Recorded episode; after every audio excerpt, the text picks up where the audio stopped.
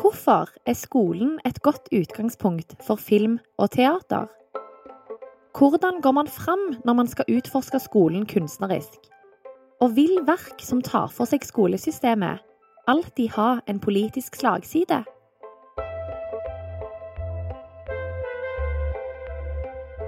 Du hører på Nationaltheatrets podkast Teaterprogrammet. Og i denne episoden får du høre liveopptak fra en av teatrets salonger. Denne salongpraten ble avholdt i forbindelse med forestillingen Reform 97. I samtale med meg, Karoline Marie Enoksen, møter du regissørene Margret Olin, Dag Johan Haugerud og Tyra Tønnesen.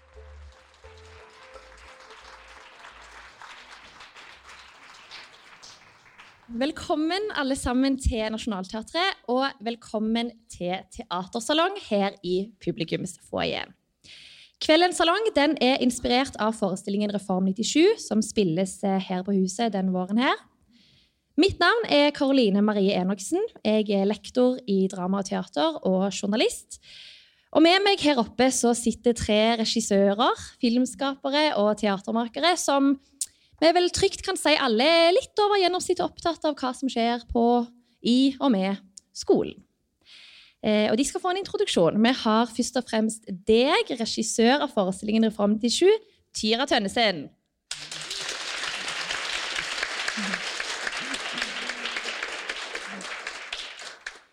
Neste person er akkurat nå aktuell med filmen 'Selvportrett'. Eh, vi kommer i dag til å snakke aller mest med utgangspunkt i to av hennes andre filmer. 'Ungdommens råskap' fra 2004 og 'Barndom' fra 2017. Margaret Olin.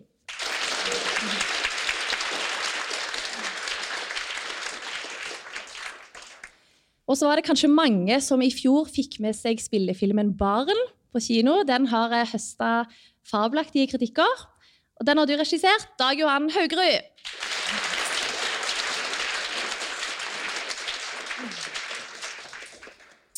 Eh, og jeg tenker Siden denne salongen har eh, er inspirert av Reform 97, så har vi jo en gyllen mulighet her med deg, Tyra, til å gi oss en liten innføring i eh, ja, hva denne forestillingen er. Hva er det vi får se, uten å spoile for mye? selvfølgelig. Ja, vi skal ikke spoile.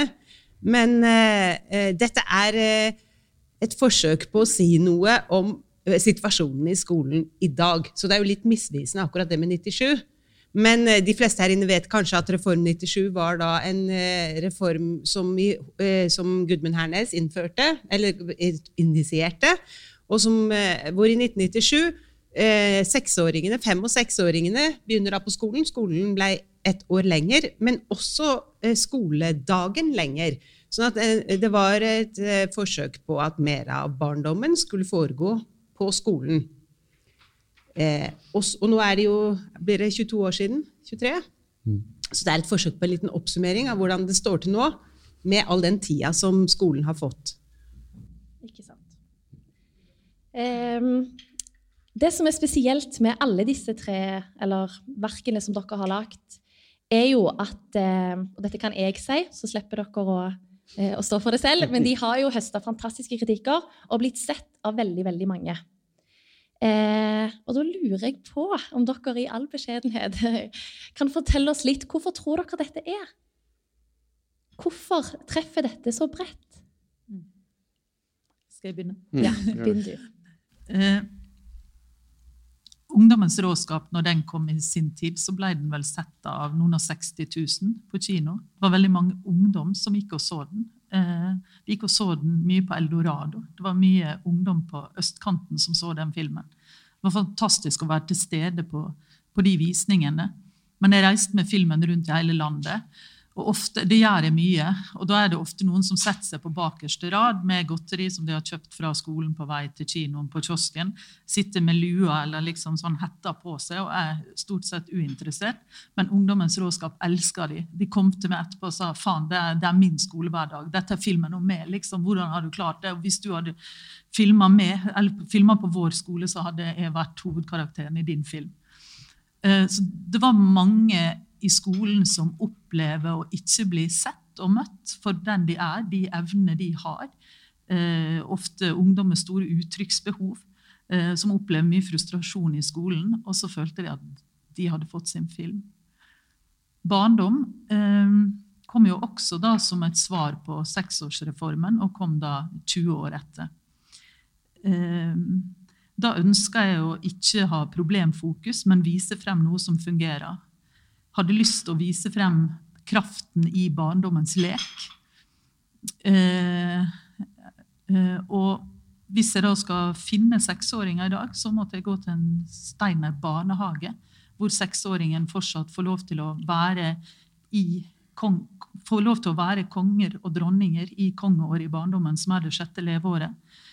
Eh, det er noe med lovmessighet i alder, som når vi putter ransel på ryggen, sender de inn i den store skolegården og gjør de yngst det året de skal være størst, og sitte på tronen på en måte, fordi seksåringen ser seg selv utenfra på en måte som de yngre barna ikke gjør. Det er noe med det sjette leveåret, denne overgangen fra den første småbarnsperioden og inn i liksom den andre barndommen. da. Eh, når vi tar fra dem det året, så betyr det noe for mange. Det betyr noe veldig alvorlig for noen, og som vi seinere kan se kanskje tapte allerede når de i dette året ble sendt inn i skolegården. Så jeg ville vise frem bare hva leken er. Fordi kunnskapen om lek, den har vi flust av i samfunnet vårt. Men akkurat når det kommer til skole, så er det som om vi har glemt den. Og det man lovte når man innførte seksårsreformen, så lovte politikerne til landets foreldre at leken skulle over i skolen. Hvis ikke tror jeg ikke at man hadde, at man hadde fått legitimitet til å gjennomføre reformen. Men det som skjer, det var intensjonen. Sånn ble det etter hvert. Og med Kunnskapsløftet så har det blitt sånn nå at man har tatt skolen inn i barnehagen. Og det må vi snakke om, for det har store konsekvenser. Mm. Og dette er, Hvorfor får det oppmerksomhet? Jo, fordi at uh, dette er hverdagen til oss som har barn. Vi kjenner på det hver dag, og noen kjenner mer på det enn andre. Det handler om hvem barnet ditt er. Så det engasjerer veldig. Mm. Jeg tenker noen, altså Det er jo ikke alle som har barn. Jeg tenker Dag Johan, f.eks. Ja, ikke barn. Men jeg har uh, jo uh, vært barn og gått på skole sjøl.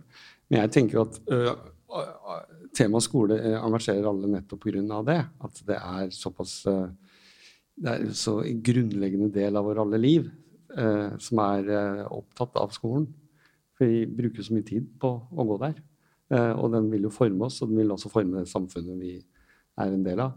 Derfor så jo, vil jo, tror jeg alle opplever skolen som veldig, veldig viktig. Og noen har veldig sånn smertefulle minner om skolen. Noen bearbeider jo skoleårene i, langt opp i voksen alder. Men, eh, og noen har jo også veldig positive Det må man jo også si. At skolen er ikke bare liksom en negativ ting skolen er veldig, veldig mye. Um, og jeg tenker vel det at uh, Men i og med at det er en så stor del av livene våre, så vil alle egentlig bli engasjert i det.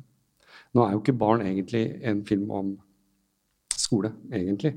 Men, uh, og den tar jo ikke det samme uh, perspektivet som, som barndom eller ungdommens rådskap, fordi den tar jo egentlig lærerens perspektiv. Den snakker jo ikke så, eller den viser jo ikke så veldig mange barn, egentlig. Den viser jo lærere og lærerkolleger på en skole. Og går liksom inn i ja, midt i en uh, hendelse som oppstår, som skaper konflikt. da.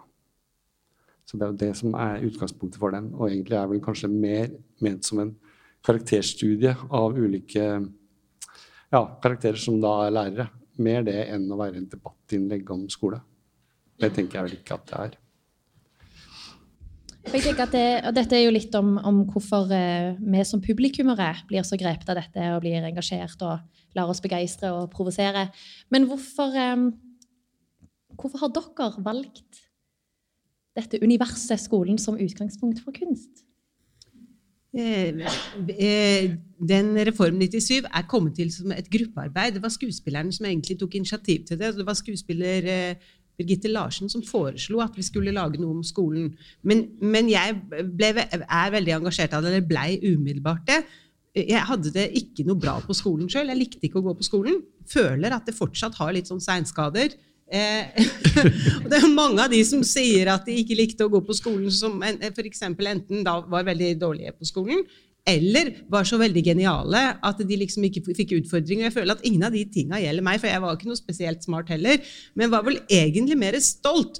Sånn at jeg lik, akkurat, det var veldig for meg, det der eh, filmen din om, om kongeåret, selve det navnet som jeg ikke visste at Steinerskolen opererte med, det jeg husker så godt den følelsen av å være seks år. At det var bare høydepunktet av makt og velstand. Og så kommer eh, skolen, og var for meg drepende kjedelig. Og jeg tror det var kjedelig bare for jeg likte ikke at noen skulle bestemme over meg. Jeg likte ikke at noen andre skulle si hva jeg det går, nå, begynner jeg å fortelle om mitt eget, mitt eget forhold. Det går en historie i vår familie fra før jeg begynte på skolen. akkurat Jeg tenker jeg var noen sånn fem-seks år eller noe sånt. Mamma kom alltid for å, å be kveldsbønn med meg, og sånn barnebønn, litt kjedelig. Så foreslo jeg skal vi ikke be annerledes, mamma. Og så, jeg har et forslag som er sånn Fader vår, du som er i himmelen, helliget vord, osv. Så, videre. så sa mamma, hvor i all verden har du lært den? Nei, den har jeg funnet på selv. men, og det har de hatt veldig mye moro av. Men den følelsen av å selv eh, finne på å bestemme den følte jeg, ble, jeg følte meg veldig fornærma på skolen bestandig. Eh, eh, fordi det var noen andre som hele tida skulle bestemme. Og nå er det jo blitt enda verre med de her kompetansemålene. At det på forhånd skal Altså, du skal dit, liksom er, at det ikke er spennende engang hvor en skal. Du skal bare finne veien dit. Men vi har sagt på forhånd hva som er målet. Det plagde meg veldig. Eh, og, men jeg skjønte jo at jeg må bare sitte stille og vente til det går over. Men det å holde på med det liksom i 13 år, eh, som er de første åra av livet, det er veldig vanskelig å komme seg ut av seinere. Sånn at jeg føler at det fortsatt bare når jeg møter motstand, har, den, har veldig innebygd den mekanismen. Jeg sitter bare og venter til livet går over. Mm. Sånn at eh, Du traff meg personlig fordi jeg ikke likte det. Også nå har jeg et barn. Og, jeg, eh, og, når han møter motstand i skolen, så kommer en eller annen sånn refleks om at ja, men dette må du, dette skal du, dette må du tåle. Plutselig følte jeg selv at jeg var blitt eh, eh en fangevokter eller tjener for et system som jeg egentlig selv ikke hadde det noe bra med. Men jeg vet ikke hva annet jeg skal gjøre. Skal jeg si til han at han bare kan drite i det? Det, altså det, det er et eller annet sånn veldig uløselig eh, problem der, som var litt interessant å gå inn i. Eh, pluss, da, for å svare enda lenger, at uh, mine foreldre også var kommet på sykehjem nå uh, akkurat da dette forslaget kom, og vi holdt på å rydde i leiligheten, og min mor var da pedagog. Og uh, Gudmund Hernes sin forlengede arm på Sørlandet bl.a. har laga mange bøker om hvordan denne seksårsreformen skulle være, hvor det står side opp og side ned om akkurat hvordan leken skal inn i skolen. Så, og hun satt også i evalueringsutvalget på 70-tallet. Det var jo et statlig utvalg som skulle se på evalueringen, og som foreslo å ta bort karakterene. Det var på 1970-tallet. Og i researchen til eh, Reform 97 så traff vi bl.a. Camilla Stoltenberg, som snakka om guttenes rolle i skolen. Og jeg spurte henne om det med karakterer. Hun sa karakterer nytter ikke å diskutere lenger. Den ballen ligger død. Det er en politisk umulighet å ta opp igjen det temaet. Og det også syns vi var veldig merkelig, at det kan vi ikke diskutere karakterer lenger. For den debatten var liksom så vond, og den har vi heldigvis lagt bak oss, og, og kan ikke lenger eh, snakkes om. Jeg vet ikke, Det er ikke riktig sikkert at det var det hun mente, men sånn forsto vi det i hvert fall. da. Og det er jo også for meg sånt, nesten, altså Vi har et samfunn med liksom ideer om menneskeverd og frihet, og alle sånne ting, men vi tvinger barna til å gå i skolen. Og det er en obligatorisk skole hvor voksne mennesker setter karakterer på barn. Altså det, jeg syns egentlig at det går ikke an. Jeg skjønner ikke, jeg skjønner ikke sammenhengen mellom det og alle de andre rettighetene og frihetene som vi har i samfunnet. Så det er veldig mye da, som engasjerer i dette temaet. sånn.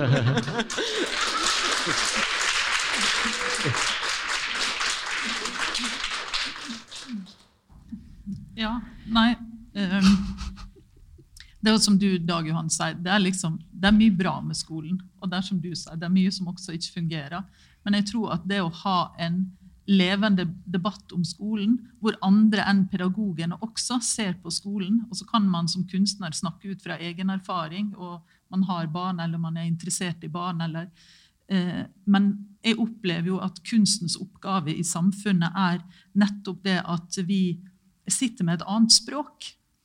Eh, og etter Ungdommens mm. råskap så var jeg også i debatter med statsråder på TV eller på radio, eh, og som da er eh, veldig trygge på sitt tema og har mye kunnskap om det.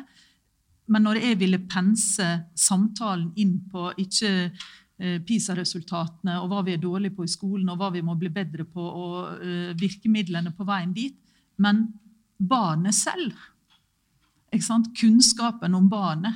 om kunnskapen om seksåringen, kunnskapen om niåringen, de stadiene vi går gjennom i vår utvikling.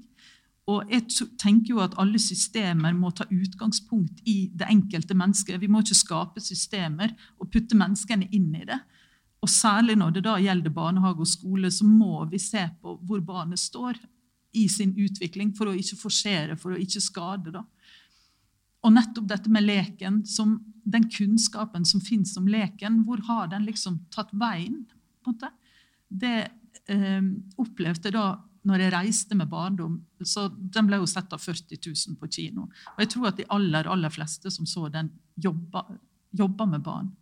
Og de var så takknemlige og glad for den filmen nettopp fordi at den har et språk, at den viser frem noe som kan være vanskelig å formidle tørt på et papir eller i en politisk debatt.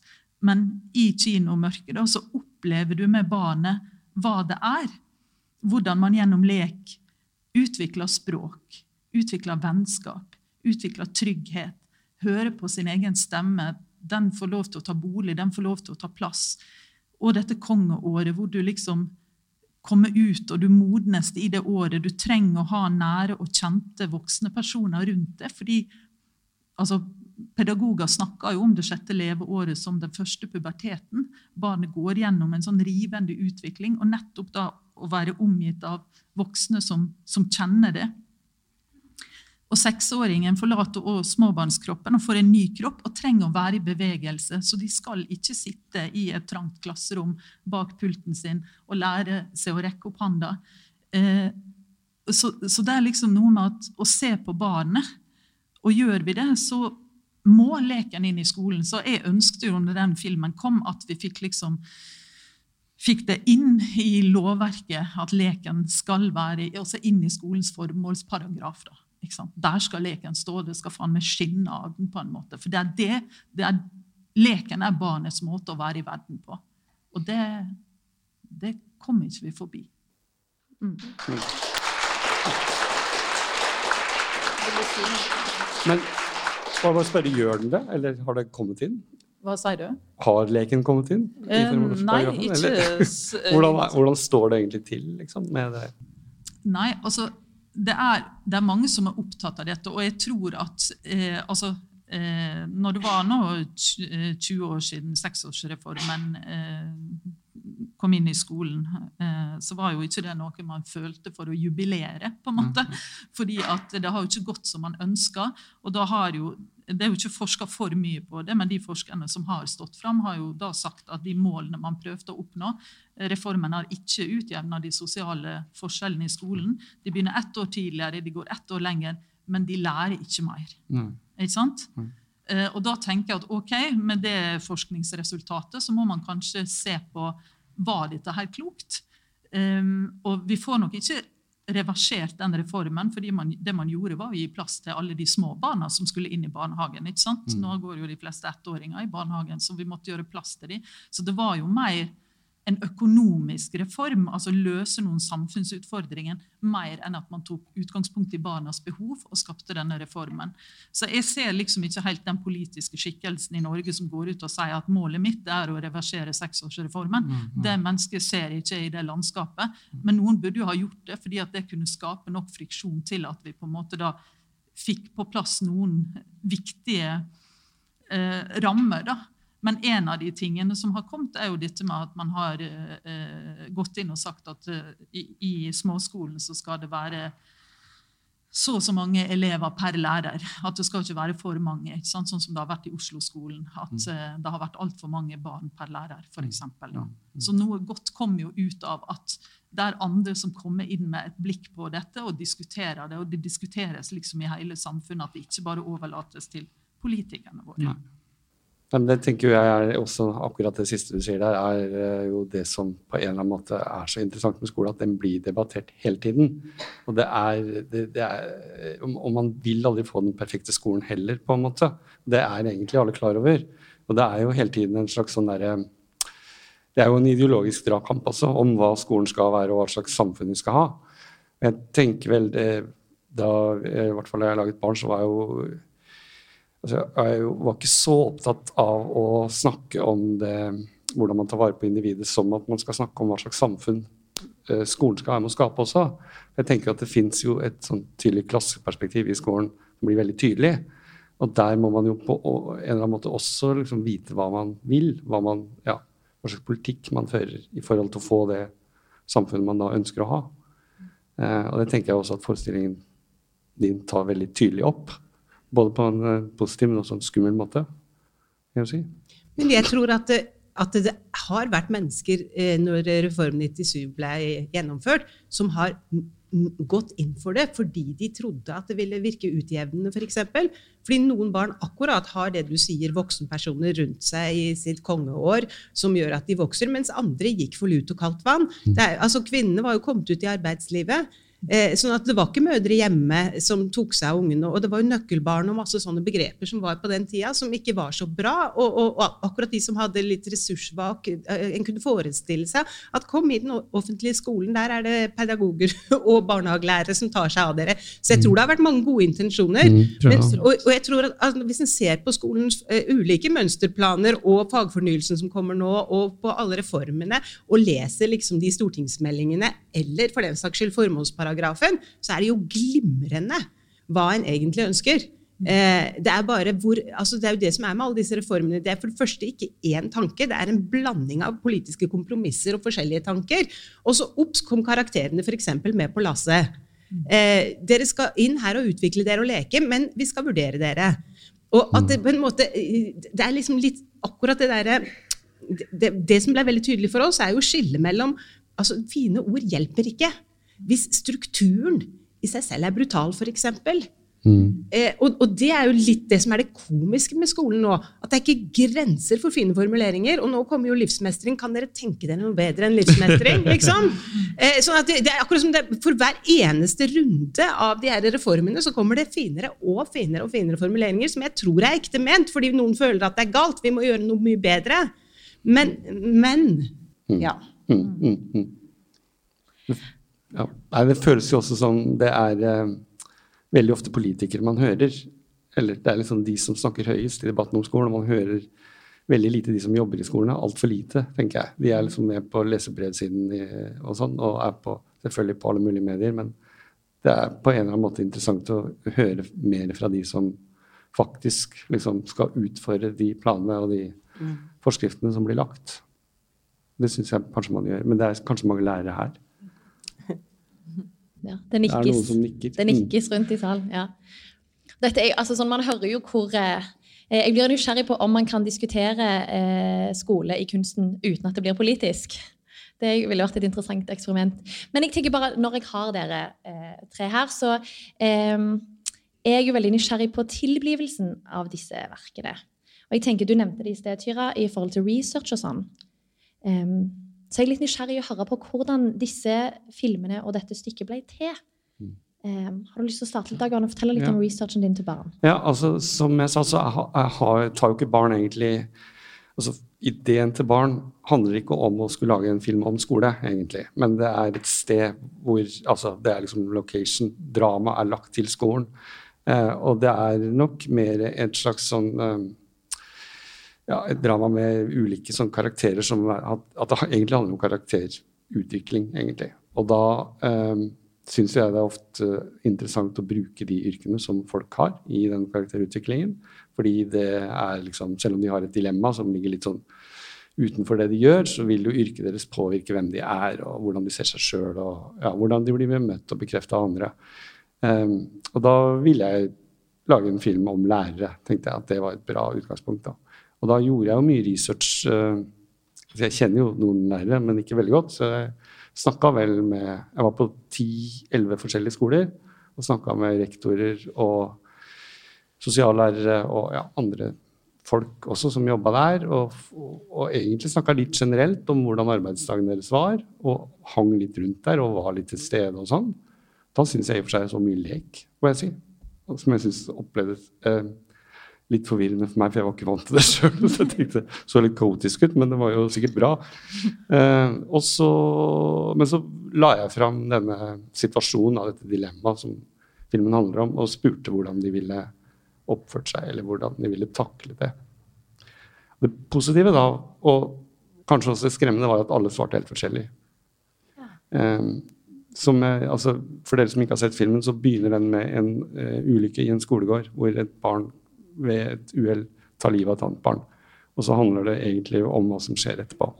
Og det er veldig mye om hvordan lærerne og lærerkollegiet liksom behandler dette her, og hvordan de forholder seg til foreldrene og familie rundt og sånn. Men eh, men da ble jeg så klar over at det her handler liksom om hvordan den enkelte person står i dette. Hvordan den tolker det som har skjedd, hvordan den tolker de kriseberedskapsplanene som ligger til grunn, og, ja, og hvordan de snakker med hverandre, ikke minst. Eh, og på en eller annen måte er det litt sånn betryggende òg, fordi at eh, man kan ikke Man vet aldri liksom eh, hvordan man skal reagere på en sånn ting, for heldigvis så skjer det nesten aldri. Eh, men, og de gangene det skjer, så må man også bruke ganske mye av de menneskelige egenskapene man har, som fornuft og ja, se og lytte og den psykologiske innsikten man har.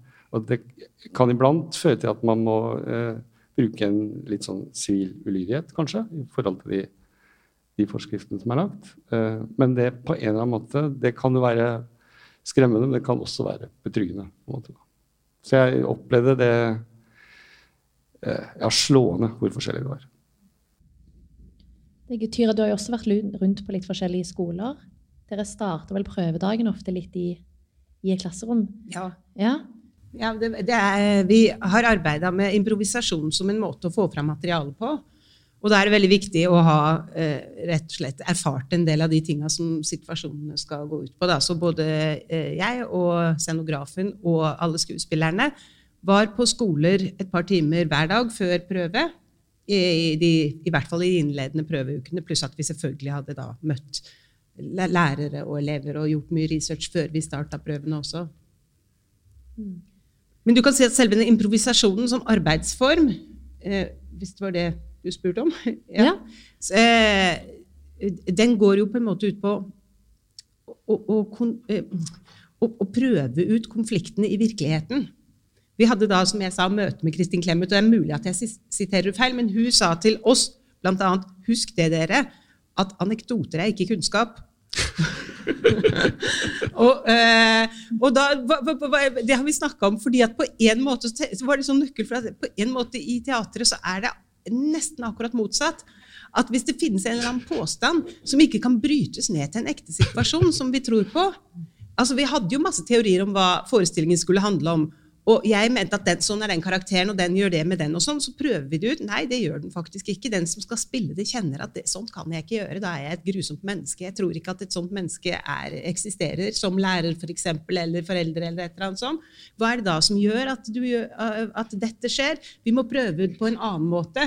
Så det er på en måte nesten sannhetstesten eh, fra teori og til praksis i teatret. At det kan bli ikke akkurat en anekdote, men at det kan bli en scene. Og det må vi prøve ut sånn fysisk rett og slett med hverandre. Eller at skuespilleren f.eks. sier at 'nå føler jeg meg helt knekt etter denne scenen'. Ja vel. Er det sånn det er å være elev, kanskje? Eller var den feil strukturert? Eller går de rundt og føler seg knekt, de som har det sånn, f.eks.? Hva kan vi da lage videre av neste scene? Så vi på en måte bygger på den følelsesmessige reaksjonen vi har på å gjennomføre forskjellige typer konflikter og scener. Mm. Jeg bare tenker Det er litt interessant det du sier om sannhet der. fordi jeg tenker kanskje, Margaret, sånn, Hvis jeg skal si i hvert fall sånn min eh, naive tolkning eller inndelingen av disse kunstsjangrene, så er jo du den som kanskje sitter med det største sannhetsansvaret. Eller føler du noe på det? Å liksom portrettere ting som et sannhetsvitne, som dokumentarist? Ja, altså, Jeg lager jo film om faktiske hendelser og faktiske mennesker, men likevel så er det jo en fortolkning. ikke sant? Det, objektivitet eksisterer jo ikke på den måten i dokumentarfilmen. Definisjonen på en dokumentarfilm er jo en kreativ behandling av samtiden. Um, så det er det jo, Men det er jo klart at uh, det skal jo være balansert, det jeg presenterer.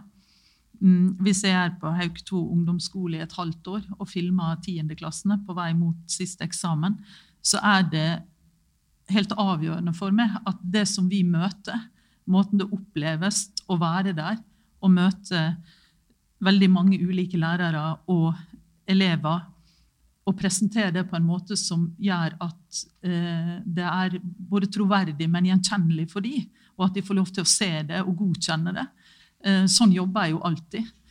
En dokumentarfilm blir jo aldri til på tross av, men pga. den relasjonen den, den, hviler på. da. Eh, men sannhet Man kan jo si at hvis Kristin Clemet skulle lage en film om eh, Oslo-skolen da, og komme ut med den i 2004, så er det ikke sikkert det hadde vært Hauketo ungdomsskole. Og det er ikke sikkert at Mikael og Kasim hadde vært de mest fremtredende karakterene. Men for meg så var det sånn at når jeg kom inn på Haug 2 og begynte å filme Jeg valgte jo den skolen. Jeg var innom mange i, i, når jeg gjorde min research. da, Så var det å stå i gangene der så kjente jeg på en sånn energi som jeg ikke hadde kjent siden jeg var i den alderen. At det var et utrolig sånt levende skolemiljø. Og jeg opplevde liksom lærere som elska elevene sine, og som ånda for den skolen, og som ikke var redd for å vise frem skolen heller fordi de følte at de hadde for lite ressurser, at de hadde en veldig sammensatt elevgruppe. Eh, men det var liksom mye av det man er i de årene, som fantes der i de korridorene. Eh, og så mye liksom eh, overskudd og, og, talent som spriker i alle retninger. da. Uh, og så er det jo sånn, fordi jeg har min historie, at når jeg oppdager Kasim og Mikael, som er liksom ungdom som nesten faller ut, eller allerede da på ungdomsskolen, på en måte, uh, så er det vanskelig for meg å se en annen vei, fordi jeg ser godt de outsiderne, på en måte. Uh, men de trengte jo sin film, de. Mm. Ja. Og det fikk de. Ja, det fikk de. Mm. Men føler du altså jeg tenker sånn, eh, eller dere, Tyra Dagehan, som opp, Opplever dere at eh, fiksjon gir en frihet? Ja, det gjør det sikkert, men det tenker jeg nok kanskje at dokumentarfilm også At det er ganske mye frihet i det også, for du velger jo på en eller annen måte ut ja, hvem du vil følge og sånn. Eh, men jeg tenker jo allikevel at jeg forholder meg ganske sånn Det må være på en eller annen måte troverdig, det må være nyansert, så jeg forholder meg jo også til type sannhetsbegrep. da, Eller det må føles sant. Nå er det veldig mye som kan være sant, og det tenker jeg også er viktig liksom, å si.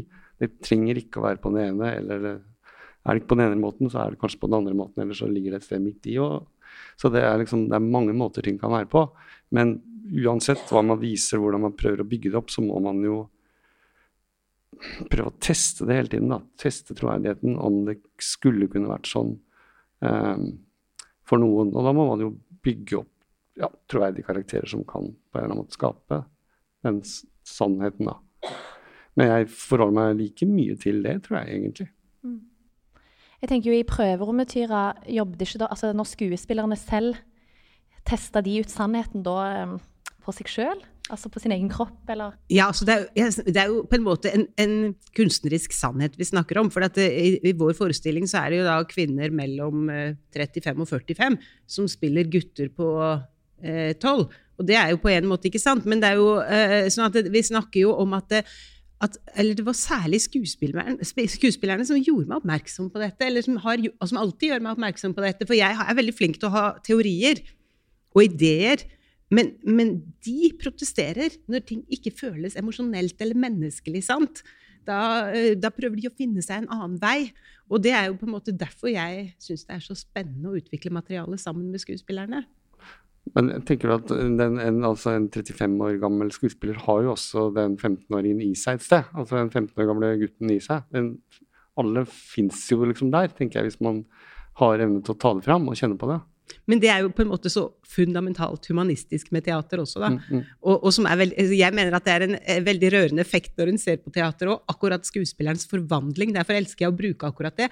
At det ikke er én til én at en spiller akkurat seg selv, men at uh, vi alle har hverandre i oss. Mm.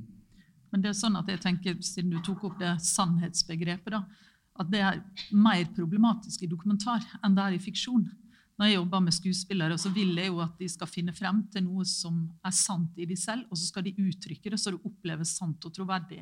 Men i dokumentarfilmen så skal det være redelig, fordi sannhetsbegrepet er veldig problematisk, for det handler om hvem som ser. ikke sant? Men det skal være redelig, og det skal være balansert. Sånn at da passer man på, hvis man portretterer noen elever på Haukto eh, skole at det ikke har en slagside, eller at filmene mine ikke har en partipolitisk slagside. Sånne størrelser er jeg veldig opptatt av. og at det skal være etterprøvbart, at det er, at det er redelig fremstilt. Da. Og det gjør at det er utrolig mange sterke scener som vi har skutt, altså filma, som aldri blir vist for publikum. fordi at hvis filmen bare ble utgjort av liksom, det mest sterke, sterke, opprivende materialet, kanskje, så ville det ja, ha satt et stempel på en skole eller på noe som, ja, som ikke har den balansen det burde ha. da. Så sannhet i fiksjon og redelighet i dokumentaren, tenker jeg. Mm. Klokt oppsummert. Eh, og med det er vi faktisk nødt til å gi oss, folkens, for tiden har flydd av gårde. Og Da gjenstår det egentlig bare for oss å si takk for følget her i dag. Ha en fantastisk kveld i teatret. Og så en siste takk til samtalepanelet vårt. Dag Johan, Tyra og Margaret.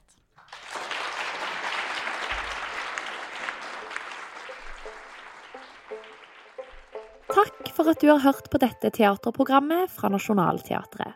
Musikken er komponert av Gaute Tønder og Olav Våstad. Besøk nasjonalteatret.no for mer informasjon om forestillinger og denne typen arrangementer. De fleste salongene publiseres som podkast, og i neste episode får du høre forfatter Vigdis Hjort og oversettere Øyvind Berg og Johan Grip diskutere Bertolt Brecht og troen på det gode. Du kan òg følge Nationaltheatret på Facebook og Instagram, og ikke minst anbefaler vi at du abonnerer på denne podkasten. Vi håper å se deg i salen. Velkommen i teatret!